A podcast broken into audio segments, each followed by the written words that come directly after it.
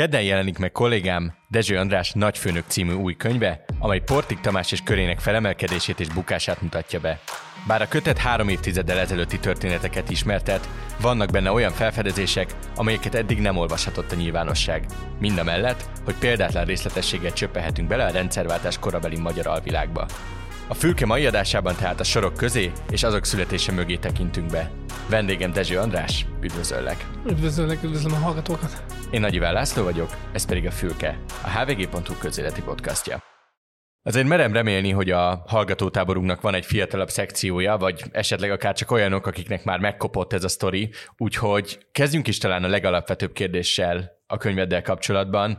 Mi jellemezte a rendszerváltás körüli és azutáni 90-es évekbeli korszakot, amikor a szervezett bűnözés gyakorlatilag virágkorát élte Magyarországon, amiről a könyved is szól, és mivel foglalkoztak a főállású bűnözők, milyen milyen volt a civilek élete egy olyan országban, ahol ilyen szintű szervezett bűnözés volt. Igen, hát a fiataloknak ez nyilván, ugye sokan akkor még meg se születtek a mai fiatalok közül. A 90-es évekre talán a legjobb szó az volt, hogy nagyon vad volt tehát hogy a gangster filmeket képzeljük el, a közbiztonság hát nagyságrendekkel gyengébb volt, mint most, vagy, vagy sokkal romlottabb volt az egész.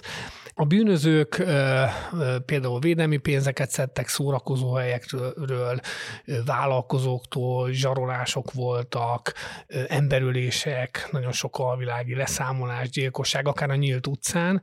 Tehát egy nagyon vad időszak volt, amikor a szabályozatlanság, kicsit a káosz uralta a, a, a légkört, vagy a káosz uralkodott.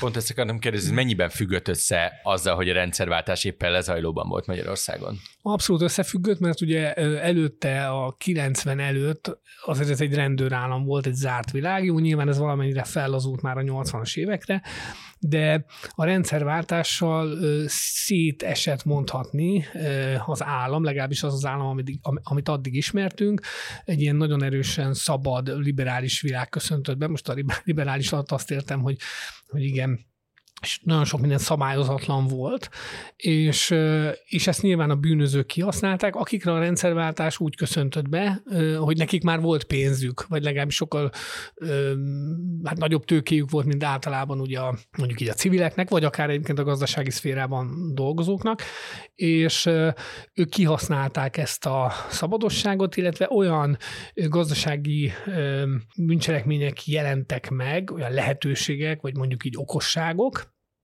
amely, amelyek révén hatalmas vagyonra tettek szert bűnözők nagyon rövid idő alatt.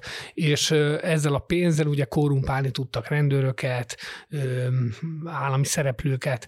Tehát egy ilyen nagyon vad világot képzeljen el az, aki, aki akkoriban nem élt. És innen fel is vetődik a kérdés, hogy kicsoda az a Portik Tamás, akiről a könyvet szól, vagy legalábbis nem úgy szól a könyvet, hogy ez egy ilyen portrékönyv, hanem hogy ő a vezér alakja ennek a sztorinak, és miért pont őt választottad ahhoz, hogy illusztrálni tud ezt a korszakon? A 90-es években, ahogy mondtam, nagyon sok alvilág leszámolás történt. Van egyébként olyan, amelyik a mai napig bíróság előtt van, és még nincsen ítélet az ügyben. Például Fenyő János médiavállalkozó meggyilkolása. Őt 1998. februárjában ölték meg az utcán, hát ha nem is fényes nappal, de nappal. És hát számtalan más gyilkosság történt, és Azért Portik Tamást választottam, illetve az, az ő körét a könyv témájául, mert a 90-es évek legnagyobb portkavaró ö, gyilkosságait vagy erőszakos cselekményeit ö, vele, illetve az ő körével hozták összefüggésbe. Van olyan, amiben már el is ítélték, például ilyen a szintén 1998 nyarán elkövetett Aranykéz utcai robbantás, amiben ártatlanok is életüket vesztették. Tehát egyébként ilyen vadvilág volt akkoriban, hogy robbantások is voltak tényleg az utcán, ö, mondom az Aranykéz utca volt ebből a szempontból a, a legsúlyosabb. És említetted, hogy voltak olyan fordulópontok, ahol, ahol nagyon könnyen át lehetett játszani ezt a rendszert, és nagyon-nagyon nagy pénzhez tudtak hozzájutni az alvilágban, és a könyvedben is az egyik ilyen jelentős sztoriszál az az olajszőkítésnek a története. Miért tekinthető ez fordulópontként, és miért volt egy olyan módszer, amelyre nem lehetett, vagy nem tudtak, vagy nem is akartak igazán lecsapni éveken keresztül, amiből aztán olyan vagyont lehetett felhalmazni, ami például Portiknak és köreinek is sikerült? Igen, az olajszőkítés az egyik olyan okosság, amely a 90-es éveket jellemezte, sőt inkább ez, ez az, ami, ami nagyban jellemezte, és melynek köszönhetően a magyar szervezet bűnözésen belül egy kör kiemelkedett, ki tudott emelkedni. A, az olajszökítésnek nagyon szakirodalma nem is akarok nagyon belemenni, csak röviden elmondom, hogy a, a rendszerváltás kor, vagy rendszerváltás utáni években ugye liberalizálódott a, a piac, az energetikai, vagy energiapiac is, és e, Ugye volt egy nagy üzemanyagárobbanás, miközben nyilván egy ilyen elszegényedő Magyarországról beszélünk, amelyik hát átmegy ugye a demokrát, de nem csak demokrácia lesz úgymond, a, a, a diktatúrát nem csak az váltja föl, hanem egyfajta piacgazdaság is, ami egy ilyen vadkapitalizmusra hasonlít. A lényeg az, hogy nagyon sok ember sok hatásként ér a, a megemelkedett üzemanyagár, és mindeközben a fekete gazdaság azért él és virul, és éppen ezért az illegális olajüzlet is. Tehát nagyon röviden arról van szó, hogy ö, olcsón a piaci árnál olcsóbban tudnak hozzájutni illegális forrásból emberek olajhoz, és ezt használják ki a bűnözők, és nyilván erre csatlakoznak rá. Ez mondjuk ugyanúgy, mint mondjuk manapság mondjuk az illegális cigaretta csempészet a keleti végeken, nyilván sokkal kisebb formában, akkoriban az olaj nagyon ment, illetve hát vannak olyan dolgok, amik, amikre rájönnek, hogy mit tudom, behoznak olajat, ez már legális formában, de csinálnak rá egy ilyen dobható céget, és megszereznek egy olyan engedélyt, amit az állam kiad, hogy 30 nap, 30 napod van arra, hogy, vissza, hogy fizest a vámot ki, tehát egy ilyen vámhalasztott lehetőség. Természetesen természetesen a 30 nap után ugye eladják az olajat, és a cég pedig, amelyik értékesítette az olajat, az eltűnik úgy, ahogy van ügyvezetőstől együtt. Tehát ezek ilyen gazdasági jellegű bűncselekmények. Ez az, ami, ami egy ilyen tőkeinjekciót ad a, a magyar alvilágnak, és azon belül is az Energol nevű cégnek, amelynek az egyik vezetője, tulajdonosa Portik Tamás, két másik emberhez, két másik ember mellett, akik szintén alvilági figurák, de igazából Portik Tamás nem foglalkozik olajkereskedelemmel, ő neki az a dolga, hogy ezt a bizniszt, ezt védje az általa irányított katonákon keresztül.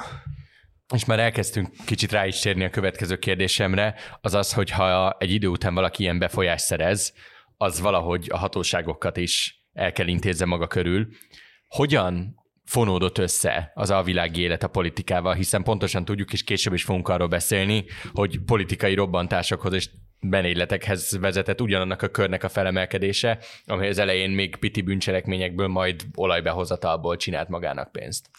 Igazából én nagyon óvatosan fogalmaznék akkor, hogy az alvilág és a politika, tehát így a pártpolitika összefonódik, inkább arról van szó, hogy volt egy olyan alvilági kör, amelyik nagyon-nagyon sok pénzt keresett a 90-es évek közepén, mondhatjuk igen, közepén, itt heti több millió forintról van szó, ami még most is nagy pénz, hát akkoriban ugye még nagyobb pénz volt, és ez a kör először az alvilágban érzi úgy, hogy ő mindenek felett áll, hiszen nála koncentrálódik igazán a nagy vagyon, amivel mindent el tud érni.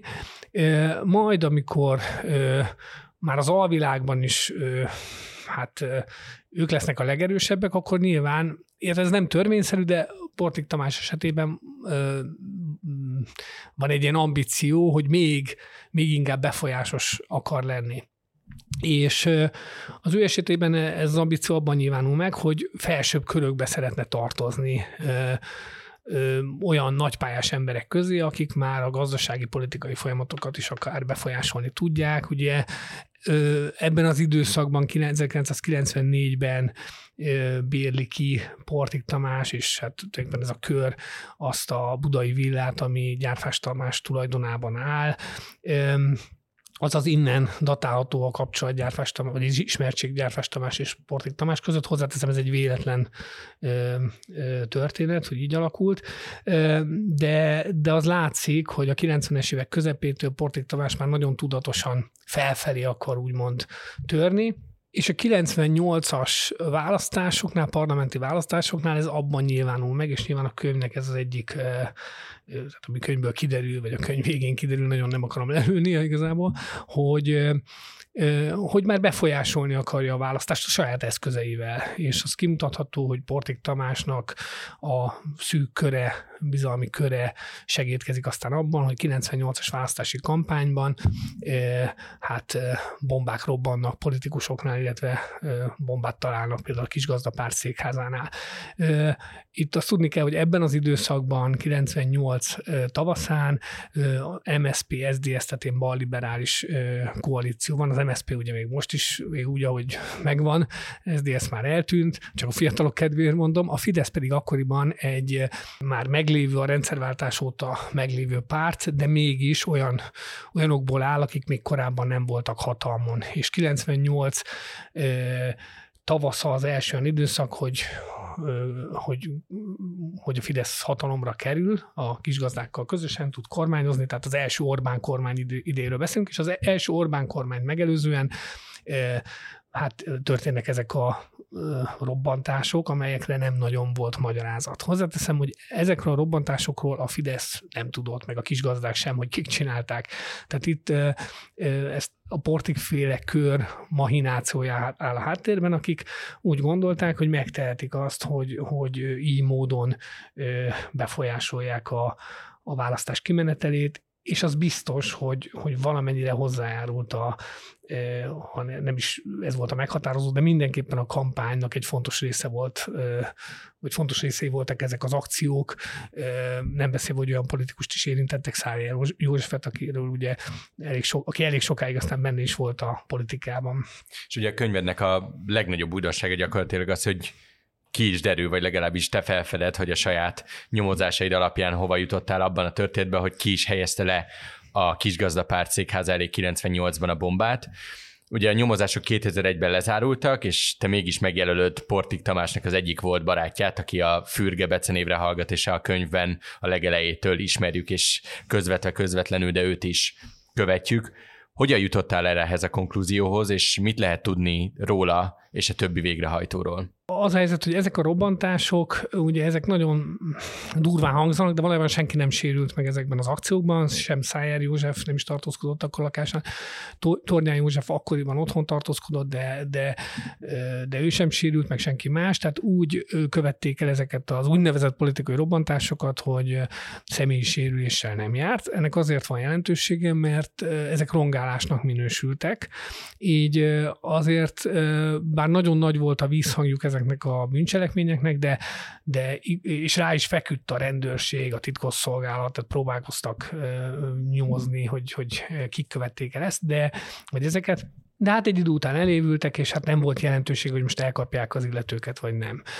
Ami érdekes, hogy 2020 őszén, tehát azért jó sok idő elteltével, nem is olyan régen, Portik Tamás egyik egykori bizalmi ember és barátja, aki 1982 óta vele volt, tehát évtizedeken át, az egyességet kötött a hatóságokkal, és beszélt egy olyan bűncselekményről, egy gyilkosságról, amelynek részese volt.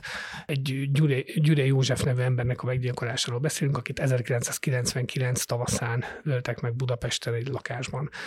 Azért érdekes az ő személye, mert 1982 után, tehát 83-84-ben Fürge, tehát akiről beszélünk, Gyure József és Portik Tamás ugyanannak a bandának volt úgymond a tagja, ez egy ilyen fiatalokból álló hát banda társág, amelyik telefonfülkéket fosztogatott. Akkoriban ilyen nyilvános telefonfülkék voltak, apró pénzzel működtek, és ezeket a persejeket rámolták ki. Majd ezzel a pénzzel hát elmentek szórakozni, bulizni, diszkókba. Fiatalok voltak, tinédzserek, fiatal felnőttek, és Fürge 2020 őszén egyességet kötött, elmondta a a gyűregyilkosságot, emiatt tartóztatták aztán le a társát, akit ő, ő megnevezett, K. Gábort, és jelenleg is ez a gyűregyilkosság, ez folyamatban van a, ennek a tárgyalása, és Fürgét el is ítélték ebben az ügyben, felfüggesztett börtönbüntetés kapott, ugye az egyesség része volt, hogy hogy így úgymond megúszza. K. Gábor még a vádlottak padján van, és Portik Tamás is, akit a felbújtással vádolnak. És ami érdekes volt, hogy amikor ugye Portik történetet írtam, akkor rájöttem, hogy igazából, és ez a könyvből is kicsit kiderül, hogy ez, ez két ember története, Fürge és Portik története, mert hogy a, ez a két barát, ez tényleg 80-as évek elejétől 2020 őszéig tulajdonképpen együtt van. Az más kérdés, hogy 2012-ben Portikot ugye letartóztatták, tehát börtönbe került, de hogy Fürgé volt az utolsó, aki úgymond kiállt mögül le, viszont az egyik legfontosabb kult szereplő. És amikor az ő kapcsolatukat, Fürge tevékenységét kutattam, és ezt a kört, akkor derült ki, hogy amikor beszélt a rendőrségnek a gyűlögyilkosságról, akkor más bűncselekményekről is, más életellenes bűncselekményekről, cselekményekről, olyanokról, amelyeket egyébként azóta sem tudtak feltárni teljes egészében, és emellett természetesen szóba kerültek már elévült ügyek, így a politikai robbantás is, amelyben Fürge elmondta, hogy ő volt az, aki a kisgazda székházhoz 98 tavaszán odavitt egy bombát, ami nem robbant fel. Ezt leírom a könyvben, hogy miért, igazából ez, ez részletkérdés, de, de ő volt az, aki elmondta, hogy hogy hát valójában ők csinálták ezeket az akciókat, és az volt a, a céljuk, hogy hát segí, hatalomra segítsék a jobboldali politikai erőket, és megbuktassák a, a, a regnáló hatalmat, mert ugye az volt az üzenete tulajdonképpen ezeknek két üzenete volt ezeknek a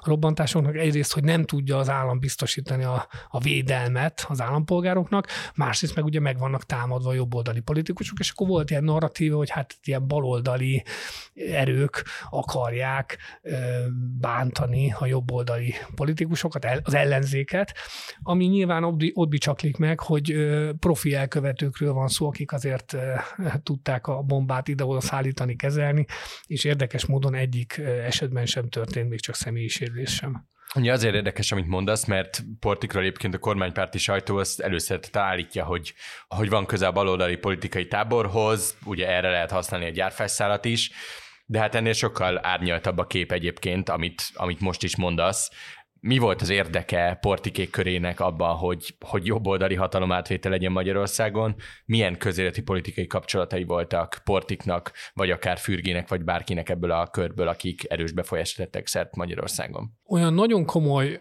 politikai kapcsolataik ö, nem voltak, bármilyen furcsa is. Tehát nekik inkább egy szándékuk volt arra, hogy befolyásolják az eseményeket, ők így politizáltak, hogy lehet ezt mondani. De mit tippeltek, hogy milyen előnyük származna abból, hogyha mondjuk Fidesz kormány alakulna 98-ban? Igen. Egy picit nagyon vissz, visszamenni 96-ra, tehát még 98 előtt két évre, ö, akkor ö, nagyon sok kézigránátos támadás történt Budapesten, autókereskedésekre, pizzériázóra, autókra dobtak ö, kézigránátot, ezeket sem sikerült felderíteni ezeket a támadásokat.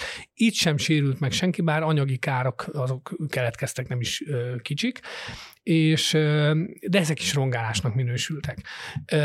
Amikor a kutatómunkát csináltam, akkor sikerült olyan dokumentumokra bukkanom, amelyek azt bizonyították, hogy 2000-ben volt egy végrehajtó, akit, aki vallomást tett, és elmondta, hogy, hogy, zajl, hogy, tehát ő hogy vett ebben részt, és egyértelmű volt ebből a vallomásból, hogy a portikféle kör volt a koordináló ebben a történetben. Mivel ezek is elévültek már, ezért most, amikor dolgoztam ezen a könyvben, és nyilván minél több emberrel akartam beszélni, akkor tudtam olyanokkal is, akik ismerték ezt a történetet, mert mondjuk részesei voltak, és azt mondták, hogy az volt a cél, hogy Pintér Sándor belügyminisztert megbuktassák, illetve a rendőri vezetést megbuktassák, leterheljék a rendőrséget, 96-ról beszélünk, pontosan amiatt, hogy ők addig szabadon garázdálkodhassanak. Tehát ugye abban az időszakban nagyon sok volt az emberülés, nagyon sok volt a vagyon elleni bűncselekmény, egy csomó minden, és ugye csináltak ilyen robbantásokat, ezek igazából rongálások voltak, itt is nagyon figyeltek arra, hogy ne sérüljön meg senki. Tehát nem voltak olyan súlyúak az ügyek, hogy, hogy most akkor az egész rendőrség ezzel foglalkozzon, miközben kellett vele foglalkozniuk, hiszen a sajtó viszont ezzel volt tele, hogy hoppá, meg is sérülhetett volna valaki. És és el is érték a céljukat, mert 96-ban Horn Gyula akkori miniszterelnök, MSZP-s miniszterelnök kezdeményezésére Kunce Gábor belügyminiszter menesztette nem csak Pintér Sándor, de az egész rendőri vezetést. Tehát portikik elérték, amit akartak. Ugyanakkor jött 98, a 98-as választás, és igazából ők mindig az államhatalmat akartak, akarták gyengíteni, és bár nem származott volna előnyük igazából a jobb oldal győzelmének, de hát itt volt egy, egy jól látható idézőjelbe háború, vagy hát annyira nem is idézőjeles, mert azért itt robbantak a bombák, ami, amit igazából a, mondjuk így igen, az állam ellen vívtak. Akkoriban még a terrorizmus, mint ilyen, ilyenről nem lehet beszélni, és ö, sikerült is ugye gyakorlatilag bebuktatniuk azt a rezsimet, aminek előzőleg a rendőri vezetését már, már bebuktatták. Majd jött a csalódás, a, mondjuk így a pofára esés, hogy Pinter Sándor visszatért, ráadásul belügyminiszterként. És ez az a pont, ahol a portikféle kör csalódott, és és már elindult egy ilyen gyakorlatilag egy balos irányba, tehát onnantól meg már a baloldal támogatta, de az tény, és a kérdésedre visszatérve, hogy bárki ha politikai pártról van szó, vagy politikai oldalról, mindenki tudna mutogatni portikra, hogy na, a, másiknak volt az érdekében ennek az embernek a ténykedése. Tehát, hogy hogy ő, mint ilyen értem, mint jó bűnöző, mindenfelé igyekezett a csápjait kiterjeszteni, Mondok egy egyszerű példát, ugye azt mindannyian tudjuk, hogy Gyárfás Tamással kapcsolatban volt. Ez Gyárfás Tamás ö, tagadta majd, amikor erről bizonyíték előkerült, akkor elismerte. Természetesen Portik Tamás nem csak Gyárfás Tamással volt kapcsolatban, hanem rengeteg más emberrel is. Ö, ismertek Államista Gábor filmrendezőt, aki ugye inkább a Fideszhez köthető, de a, a kutatásaim során kiderült, hogy például Belénesi Csabával is, aki a, inkább Fideszhez köthető média személyiség, őt is ismerte, találkoztak is többször. És ez nem jelenti azt, hogy Kálomista Gábor vagy Belénesi Csaba bármit is elkövetett volna bármilyen rossz dolgot, csak azt akartam mondani, hogy hogyha nagyon akarná itt a, akár a baloldal, akkor tudna mutogatni újjal olyan jobboldaliakra, akik szintén úgymond beportikozódtak. De igazából itt nem arról volt szó, hogy Portik valamiféle politikai oldalnak tett szívességeket, inkább arról, hogy ö, olyan ambíciói voltak, hogy ő befolyásolni akar dolgokat, ő hatással akart lenni dolgokra, és és igazából akár a robbantások, akár bármilyen más későbbi cselekedetével ezt akarta érvényre juttatni, hogy ő, hogy ő mekkora ember, és itt jön a könyv címe, hogy ő a nagyfőnök. És hát olyannyira visszatért Pinter Sárnor a sztoriba, hogy akkor is ő volt a belügyminiszter 2012-ben, amikor elfogták és börtönbe került Portik Tamás. Mi vezetett valójában az ő bukásához? Most nem akarok konspirálni és azt mondani, hogy Pintér személyes bosszúja, de hogy, hogy mennyire köszönt vissza a múlt abban, ahogy őt 12-ben elfogták. Az biztos, hogy Pintér Sándor 2010-ben, amikor ugye a második Orbán kormány megalakult, és belügyminiszter lett újra Pintér Sándor, akkor nyilván tudta azt, hogy annak idején a 90-es évek közepén kiknek köszönhette a bukását. Ebben egészen biztos vagyok, hogy, hogy nyilván 2000-ben, mint mondtam, tett vallomást valaki például a gránátos akció kapcsán. Azért ez összeállt addigra, 2010-re, eh, hogy, addigra lehetett ezt nagyjából tudni. Az alvilágban is mindenki tudta, hogy nagyon sok ilyen akció mögött portik áll. És Nyilván volt egyfajta revansvágy, vagy lehetett egyfajta revansvágy Pintér Sándorban. Ez azért, azt azért is gondolom, mert külön miniszteri biztos nevezett ki Horváth András egykori kollégája személyében, megbízva a 90-es évek megoldatlan ügyének a feltárásával. Ugyanakkor az is igaz, hogy ellentétben, amit a jobb oldal kommunikál, hogy igazából portikot, ha nem, ha nem jön a Fidesz, akkor nem kapcsolják le, ez ez, ez azért így nem igaz, ugyanis a 2000-es években is a rendőrség próbált rajta fogást találni, csak nagyon, egyrészt nagyon jó konspirált, és ezeket a gyilkosságokat, amit ugye azóta a számlájára írtak, ezeket az eseményeket, ezeket olyan profin szervezték meg, hogy, hogy nagyon nehéz volt bizonyítani, és arra volt szükség az ő elfogásá, tehát az elfogása sem valósult volna meg akkor, hogyha a rendőrség nyilván egy hosszabb munkával nem éri el azt, hogy a, az ő környezetében lévő emberek elkezdjenek beszélni valami, valamilyen oknál fogva. Ugye az első olyan ember volt, aki nem is volt közvetlenül portik környezetében, de ebben a világban mozgott, az Radnai László, aki már 2004-ben, amikor egy kecskeméti maffia miatt börtönbe kerül, akkor tett egy vallomást, amit titkosítottak sokáig, majd 2010 körül újra elővettek, vagy 10 után, de, de igazából ez kevés volt. Tehát a radnai vallomás az önmagában nem volt elegendő ahhoz, hogy, hogy le tudják tartóztatni Portikot, ezért meg kellett nyerni embereket, olyanokat, akik ismerték az ügyeket, vagy bizonyos ügyeket, hogy beszéljenek, mert sokkal jobban járnak, hogyha beszélnek, mint hogyha később esetleg ők maguk is gyanúsítottak lennének. És így sikerült áttörni a falat, úgymond. Így indult el egy olyan folyamat, hogy Portikot ugye letartóztatták, Prisztás József meggyilkolásával ö, vádolták, meg majd el is ítélték, illetve az Aranykéz utcai merénylet ügyében is elítélték, és erre mondom most visszatérve Fürgére, hogy Fürge az egykori barát itt jön képben, hogy ö, hogy neki köszönhető tulajdonképpen az, hogy, hogy újabb gyilkossággal, a gyűregyilkossággal is meggyanúsították Portikot, illetve, ami érdekes, hogy Fürge volt az, aki akinek megvolt a kapcsolata már nagyon régóta Dósa Istvánhoz, aki egy MSZP-s, MSZP-nek a tagja volt még a 90-es években, és aki pénzt akart egy társával együtt, illetve Fürgével együtt, hát úgymond pénzt akart szerezni azokból a hangfelvételekből, amelyeket Portik Tamás titokban rögzített, részben például Gyárfás Tamással folytatott beszélgetéseit rögzítette. És csak hogy a rendőrség erre rájött, hogy gyárfást úgymond zsarolják, és ez vezetett aztán ahhoz, hogy a, a, a zsarolásnak a tárgya, vagy ezek a hangfelvételek bizonyítékok lettek, és így Portik Tamást a fenyőgyilkossággal is meggyanúsították, mint fejbújtó, illetve Gyárfás Tamást is meg, meggyanúsították. Tehát így ért véget ez a kicsit ilyen e, fordulatokkal teli történet. Ugye Portik sztoria így ért véget, de egyébként maga a szervezet bűnözés az hogyan tűnt el már a, ezen a szinten Magyarországon? Mi maradt abból, ami 30 évvel ezelőtt tényleg, ahogy említed, még behálózta a mindennapokat mondjuk Budapesten? Teljesen megváltozott.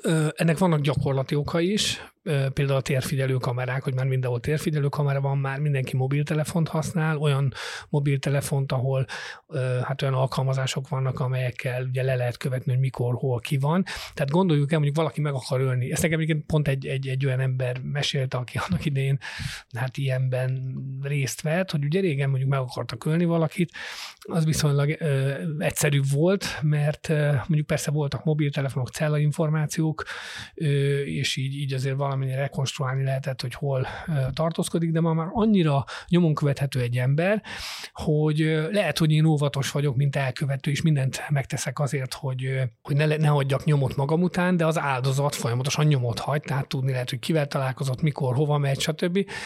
És ez védi valamennyire őt. Tehát már nem jöhet vissza az, ami a 90-es években, de ennek van egy ilyen technológiai oka is, vagy ha visszatér, akkor sokkal könnyebb dolga lesz a rendőrségnek, vagy dolga van akkor a rendőrségnek. Másrészt Nyilván a szervezetbűnözésre mindig is az árérték arány volt meghatározó, hogy megéri nekem valamit csinálnom, nagyobb hasznom származik-e belőle. Most ugye, ugye itt nyilván azt kell mérlegelnie valakinek, hogy megérje valakit megölni egy szervezetbűnöző körben valaki mást, lesz akkor a haszna. Ugye már nincs olyan nagy ügy, mint mondjuk volt az olajozás, amikor irgalmatlan pénzek voltak.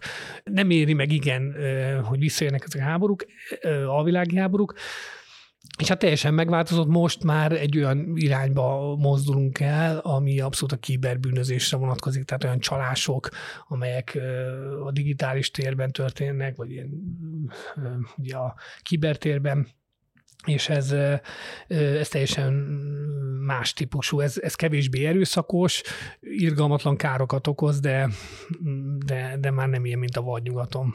És ugye említetted azt, hogy, hogy nagyon érdekes alakokkal beszéltél ehhez a, ehhez a könyvhöz, és pont ezen az utolsó téma, amire szeretnénk még kitérni, hogy hogyan fogtál bele ennek a korszaknak a feldolgozásába, mennyire tudtak hátteret adni ehhez a korábbi könyveit, és kik azok, akiket külön most tudtál felkeresni ehhez, és egyáltalán ki az, aki szívesen szólal meg egy ilyen korszakból, vagy akár olyan történetekben, ahol, ahol azért részt vett egy ilyen körben. Hát igen, a, nyilván az első könyv a Mafiózók Mackonadrágban az egy ö, 40 évet felölel, és úgy általánosan bemutatja a magyar szervezetbűnözés kialakulását, de sokat segített az első könyv abban, hogy hát addig is voltak azért kapcsolataim ilyen emberekhez, akik annak idején ebbe, ebbe részt vettek, és hát a könyv révén, az első könyv révén ezek a kapcsolatok még inkább erősödtek, vagy, vagy még, még több ilyen kapcsolat lett. Nyilván ebbe a könyvbe nem fogtam volna bele akkor, ha nincs az a lehetőség, ami idővel adódott, hogy hogy ilyen embereket megismertem egyébként a korábbi munkáim révén, és ez úgy működik, hogy valakit megismersz, azzal egyfajta kialakul egyfajta hát olyan viszony, hogy, hogy valamennyire megbízik benned, vagy, vagy látja, hogy, hogy hogy mi a szándékot, tiszták a szándékait, te nyilván érdeklődsz a korszak iránt, és akkor összehoz esetleg egy másik emberrel, aki szintén képben volt. Ami szintén óriási segítség, hogy itt a, a esetek egy jelentős része elévült már. Ettől függetlenül nagyon érdekes, tehát akár az is, hogy na akkor mi volt a kivitte a bombát a kis gazdaszékházhoz, mert ez szerintem most lehet így fogalmazni, ez politika történet is egyben, tehát hozzá tartozik a, a múlt megismeréséhez. És ahogy, ahogy a rendőrséget is segítik az, hogy a viszonyok megváltoznak, úgy nyilván az újságírót is. Tehát, hogyha egy újságíró egy témán dolgozik, akkor akkor ö, tud jobban dolgozni, ha az régen történt, az az adott történet. És minél régebben történt, annál könnyebb dolga van. Jó, nyilván, ha már nagyon régen történt, és már nem élnek a szereplők, akkor pedig az nehezíti meg a helyzetet. Én azt gondolom, hogy nagyjából most volt az utolsó lehetőség arra, hogy, hogy, hogy még ezt a témát fel lehessen dolgozni. Nyilván az, hogy kikkel beszéltem, azt nem tudom sajnos elárulni, meg nem is szeretném forrásvédelem miatt, de tény, hogy volt rendőrökkel, volt bűnözőkkel, volt titkosszolgával, civilekkel is, mert civilek is kerültek kapcsolatba ezekkel a bűnözőkkel, és emellett pedig hát különféle nyomozati anyagokat kellett megszereznem, hogy, hogy egyrészt bizonyos állításokat felül tudjak ellenőrizni, hogy minél részletgazdagabb legyen a, a könyv, de alapvetően nem arra kerestem a választ, hiszen az a rendőrség dolga, hogy kihúzta meg a ravaszt, tehát nem az ilyen típusú kérdésekre, hanem hogy ez az egész ennek milyen volt a belső dinamikája, hogyan voltak a viszonyok, ki hogyan ismerte meg egymást, miért alakult úgy az életük, ahogy alakult, hogyan változtak a személyiségek, tehát engem ez érdekelt, mint egy, mint egy film sorozatnál, ahogy, ahogy van egy karakter, aki fejlődik, és és én ezt tartom, most lehet kiemelni valamit a könyvből, hogy, hogy én ezt tartom jónak, hogy ebbe a könyvbe szerintem ez, ez sikerült, tehát A-ból eljutunk a végén B-be úgy, hogy közben alakulnak a szereplők. Igen, mert ahogy mondod, nem csak arról van szó, hogy bemutatod a korszakot, hanem, hanem van benne egy, egy történetmesélés, például kokáért az, hogy gyerekkorától végig kísérjük Portik felemelkedését, hogyan válik történet a beszámolókból és az iratokból, mert hogy az egy dolog, hogy különböző bűncselekményekről, vagy különböző alvilági sztorikból fel tudsz rajzolni egy, egy dinamikát, hogy hogyan működött, de az, hogy például Portik és Fürge az utcán hogyan rabolnak ki egy nénit, az nagyon nehezen illik be ugyanebbe a felfedező munkába. Hogyan áll össze egy ilyen történet? Igen, hát igazából ez, ezt úgy kell elképzelni, hogy ugye vannak, van rengeteg interjú, amit készítek, háttérbeszélgetés, rengeteg nyomozati anyag, és nyilván ö, ezek az emberek nem úgy élték meg az életüket, mint egy film, bár filmszerű volt nagyon, de nem úgy. De nekem úgy kell ö, megkomponálnom az egészet, ö, hogy ö, hogy olvasmányos is legyen, informatív is, nyilván valóságosnak kell lenni, különben akkor, akkor ö, ö, nem ér semmit az egész. És igazából ö, azt lehet mondani, hogy hogy jó az alapanyag. Most ebben az esetben nyilván nem hülye hangzik ez a jó szó, de hogy Portik Tamás élete, az személyisége, története, az alapvetően szerintem filmre kívánkozik, teljesen más, mint egy, egy átlagos bűnözői, hiszen gyakorlatilag az utcán kezdi, és van egy ilyen nagyon tudatos előremenetele, majd egy ilyen őrült, ugye 90-es évek második fel, amikor sorra halnak meg az emberek, meg robbannak fel, meg minden, és, és aztán van egy ilyen ugye felívelése, majd, majd egy ilyen bukása, tehát az a szerencse az ő történetével, vagy a körének a történetével, hogy, hogy megvan már eleve a dramaturgiai szál benne. Tehát nem kellett ezt keresnem, itt igazából annyi, hogy, hogy e, nyilván van egy technikája, hogy ezt hogy kell úgy megírni, hogy, hogy, e, hogy olvasmányos legyen, de hát igazából ez már egy szakmunka, tehát ez nem egy olyan nagy, igazából nekik köszönhető, most így fogalmazva, hogy ebben van történet, mert ez, sem, ez egyáltalán nem fikció, hanem ez egy, valóságos történet. Nyilván azzal lehet játszani, hogy ott a könyv végén hagyok egy kis csattanót, tehát hogy, hogy a szereplők sorsa hogy alakul, ott, azzal tudok úgy, ahogy játszani, hogy a időrenddel tudok mondjuk így játszani. András, nagyon szépen köszönöm, hogy itt voltál. A hallgatóinknak pedig üzenem, hogy a nagyfőnök linkét megtalálják az adás leírásában, valamint azt a HVG 360-as cikket is, amelyben András elmeséli, hogy pontosan hogyan került és kitette le a bombát a kis gazdapárt székház elé. Viszont nem zárnám még le itt az adást, ugyanis mindjárt átveszi a szót tőlem Bábel Vilmos, az Elvitere című Longread podcastunk házigazdája, aki a nagyfőnök egyik fejezetét hozta el ízelítőként az adás végére. Ahhoz jó szórakozást kívánok! Harmadik fejezet, fülke forradalmárok. A mennyezetet rézlemezekből kovácsolt lapok fették. A söröző falát sok ezer kisebb-nagyobb fametszet borította. A függönyök román szőttesek voltak. A külön teremben egy hatalmas medvebőr borította be az egyik falat. A budapesti Bartók Béla úton épült Bukarest étteremben minden a román népművészetre emlékeztetett. A hangulatról román zenészek gondoskodtak.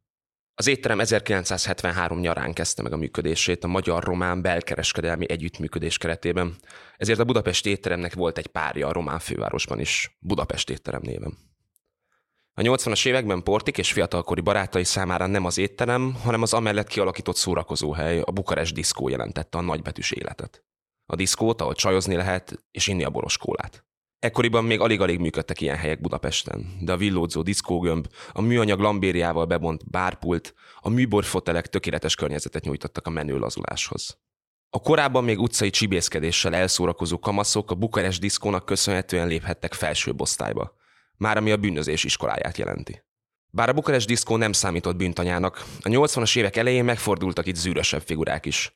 Például heroinkereskedelemmel és valutázással foglalkozó arabok. A srácok a Velence presszóból gyakran jártak át Budára, a Bukarestbe, ahol késő estig olyan tini diszkó működött. Sokszor taxival érkeztek, a költségeken megosztoztak.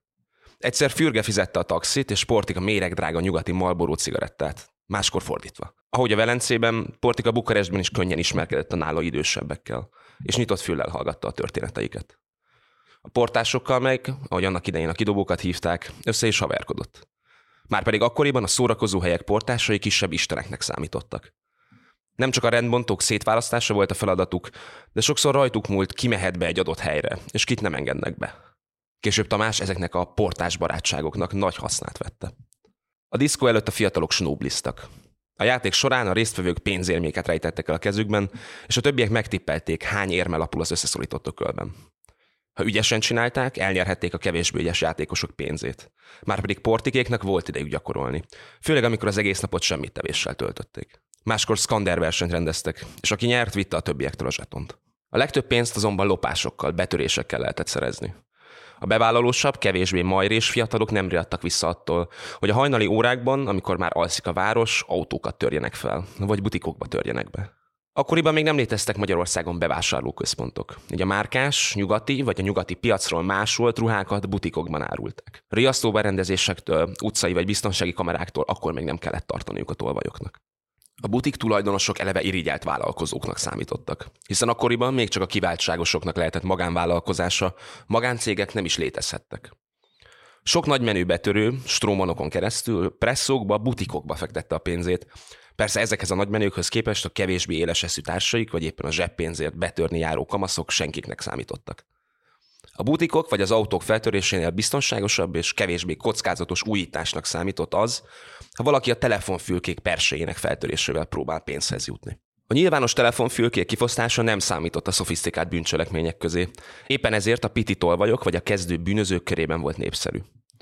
A fülkézők minden esetre alaposan megkeserítették a nyilvános telefonokat fenntartó állami posta dolgát. Nem sokkal azután, hogy két forintra emelkedett a nyilvános fülkékből egy hívás díja, megszaporodtak a telefonpersei fosztogatók Budapesten és néhány környékbeli településen. Évente több ezer fülkét rongáltak meg, a posta pedig több millió forintot költött a javításokra. 1984-ben például 7328 fülkét fosztottak ki a huligánok, a helyreállítás akkor 5 millió forintjába került a postának. Annyi pénzbe, amiből akkoriban száz új nyilvános állomást alakíthattak volna ki. A posta és a rendőrség minden erővel próbálta visszaszorítani ezeket a bűncselekményeket. Védőlemezekkel erősítették meg a készülékeket, néhányra még riasztó berendezést is szereltek. Az egyenruhás hekusok mellett önkéntes rendőrök is figyelték a legveszélyeztetebb körzetek fülkéit. Ám 1983-ban még, amikor portikék is ráálltak a fülkék fosztogatására, Tamás ekkor 16 éves, a készülékeket kevésbé védték. A készülék alja két részből állt. Ha fogtál két krómacél csavarhúzót, azzal az alját szépen ki lehetett csúsztatni. Gyerekjáték volt az egész. Annyira szépen vissza lehetett tolni a persejt, hogy sokszor csak annak az ürítésekor vették észre, hogy kifosztották. Mesélte közel 40 év távlatából egy egykori fülkéző, aki olykor portikékkal együtt járta az éjszakát.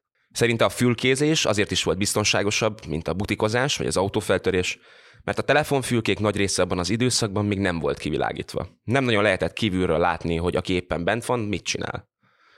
A legtöbbször egy-egy ilyen portjára két-három fiatal állt össze. Így amíg egyikük a persejjel bíbelődött, a másik kettő figyelni tudta, nem jön-e valaki, aki megláthatja őket. Amikor portikék az ártalmatlan snowblizásról vagy a járókelők trükkös fosztogatásáról átváltottak a fülkézésre, a Bukarest diszkó mellett már a vínóbárt is látogatták. Ezt a kocsmát azért is kedvelték annyira a fiatalok, mert ott éjjel-nappal videófilmeket vetítettek. A 80-as évek elején még ritkaság számba ment, ha valakinek otthon videó magnója volt, amin VHS kazettákon lehetett filmet nézni. Az első ilyen VHS kazetta kölcsönző is csak 1984-ben nyitott meg Budapesten. A Vínóbárban folyamatosan mentek a Bruce Lee, Chuck Norris és egyéb akciófilmek, amelyeket moziban elvétve láthatott csak a hazai közönség. Ezeken a filmeken nem volt magyar szinkron, hanem egy férfi hang mondta alá GPS hangon a magyar szöveget. A Vínóban esténként óriási tömeg verődött össze. A kis helyiségben úgy tolongtak a fiatalok, mint a heringes dobozban. Évfélkor voltak a legtöbben, majd hajnali fél háromkor szinte kiürült a hely. Olyankor a vendégsereg egy része elindult újítani. Előtte megbeszélték, ki melyik városrészbe megy, felosztották egymás közt a terepet. Voltak, akik autózni, az autókat feltörni indultak, mások butikoztak, és akadtak, akik fülkésztek. A fővárosi tolvajok elég biztosan a vínó törzs közönségéből kerültek ki. Általában két-három fős csapatokban indultak portyázni hajnalban, és fél ötre a munka végeztével már vissza is értek a bárba, hogy folytassák a bulit.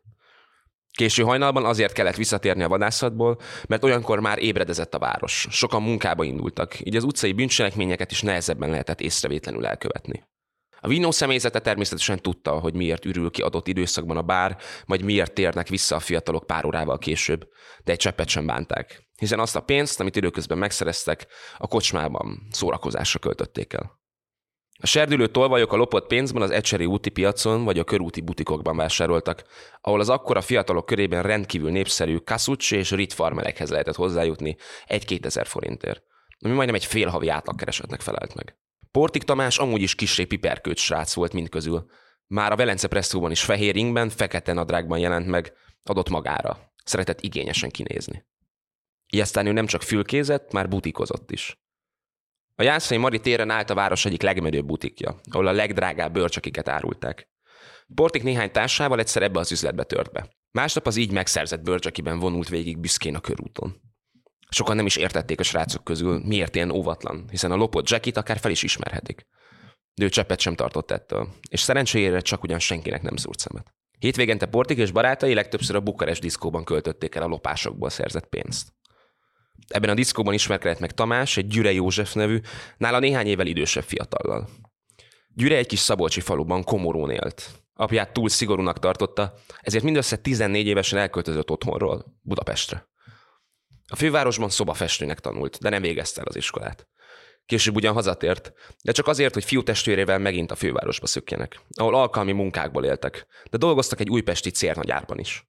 1983-ban keveredtek rossz társaságba, ami miatt Gyürét le is tartóztatták. A portiknál négy évvel idősebb Gyüre később a fülkésekhez csapódott. Gyakran fürgével indult kifosztani egy-egy telefonállomást. Gyürét nem csak azért tisztelték a többiek, mert náluk idősebb és rutinosabb volt, hanem azért is, mert hamar kiderült, hogy már ült előzetesben, azaz Priusza volt. Ez adott neki egyfajta respektet. A többiek el is nevezték őt Sittes Józsinak. Gyüre, talán robot múltja miatt, vagy azért, hogy megmutassa, meg is érdemli fiatalabb társai tiszteletét, szeretett beleállni a konfliktusokba. Egyszer, amikor Portikkal, Fürgével és még pár sráccal a körúton sétáltak, és összeszólalkoztak egy másik fiatalokból álló társasággal, Gyüre Jóska váratlanul lecsatolta nadrágjáról a szegecses bőrövét, és azzal csapkodva kergette szét alkalmi ellenfeleiket. Gyurén kívül még egy srác vált ebben az időszakban a társaság oszlopos tagjává. H. Ferenc, vagy ahogy a többiek évekkel később emlegették, Dagat Feri. Gyuréhez hasonlóan ő is Budán élt a szüleivel. Portikal ellentétben ő rendezett családból jött, és ha nem is úgy élt, mint egy budai úrifiú, de nyomdászként dolgozó apja tisztességes családi hátteret teremtett neki. Dagat Feri hullámzó kedély állapota szerint néha magába zuhanva, csendesen ült a társaságban, máskor ő volt a csapat középpontja, a legviccesebb figura. Kerek alkotán már ekkor lehetett látni, hogy hamarosan rászolgál későbbi becenevére, de ez még mókásabbá tette a barátságos fiút. Ha éppen jó kedvében volt, nála jobban senki sem tudta parodizálni az embereket. A legjobban Portiki Szákos mostóalapját adta elő, ahogy a fater a szájához emeli a stampedlis porrat. A nagykamasz Tamás a mutatványon jókat nevető társai között maga is ferde mosolyra húzta a száját, de a torkát keserűség kaparta. Akár csak olyankor, amikor egy-egy haverja családjának nyugalmat árasztó otthonában járt. De ezeket a folytogató érzéseket megtanulta gyorsan elűzni magától.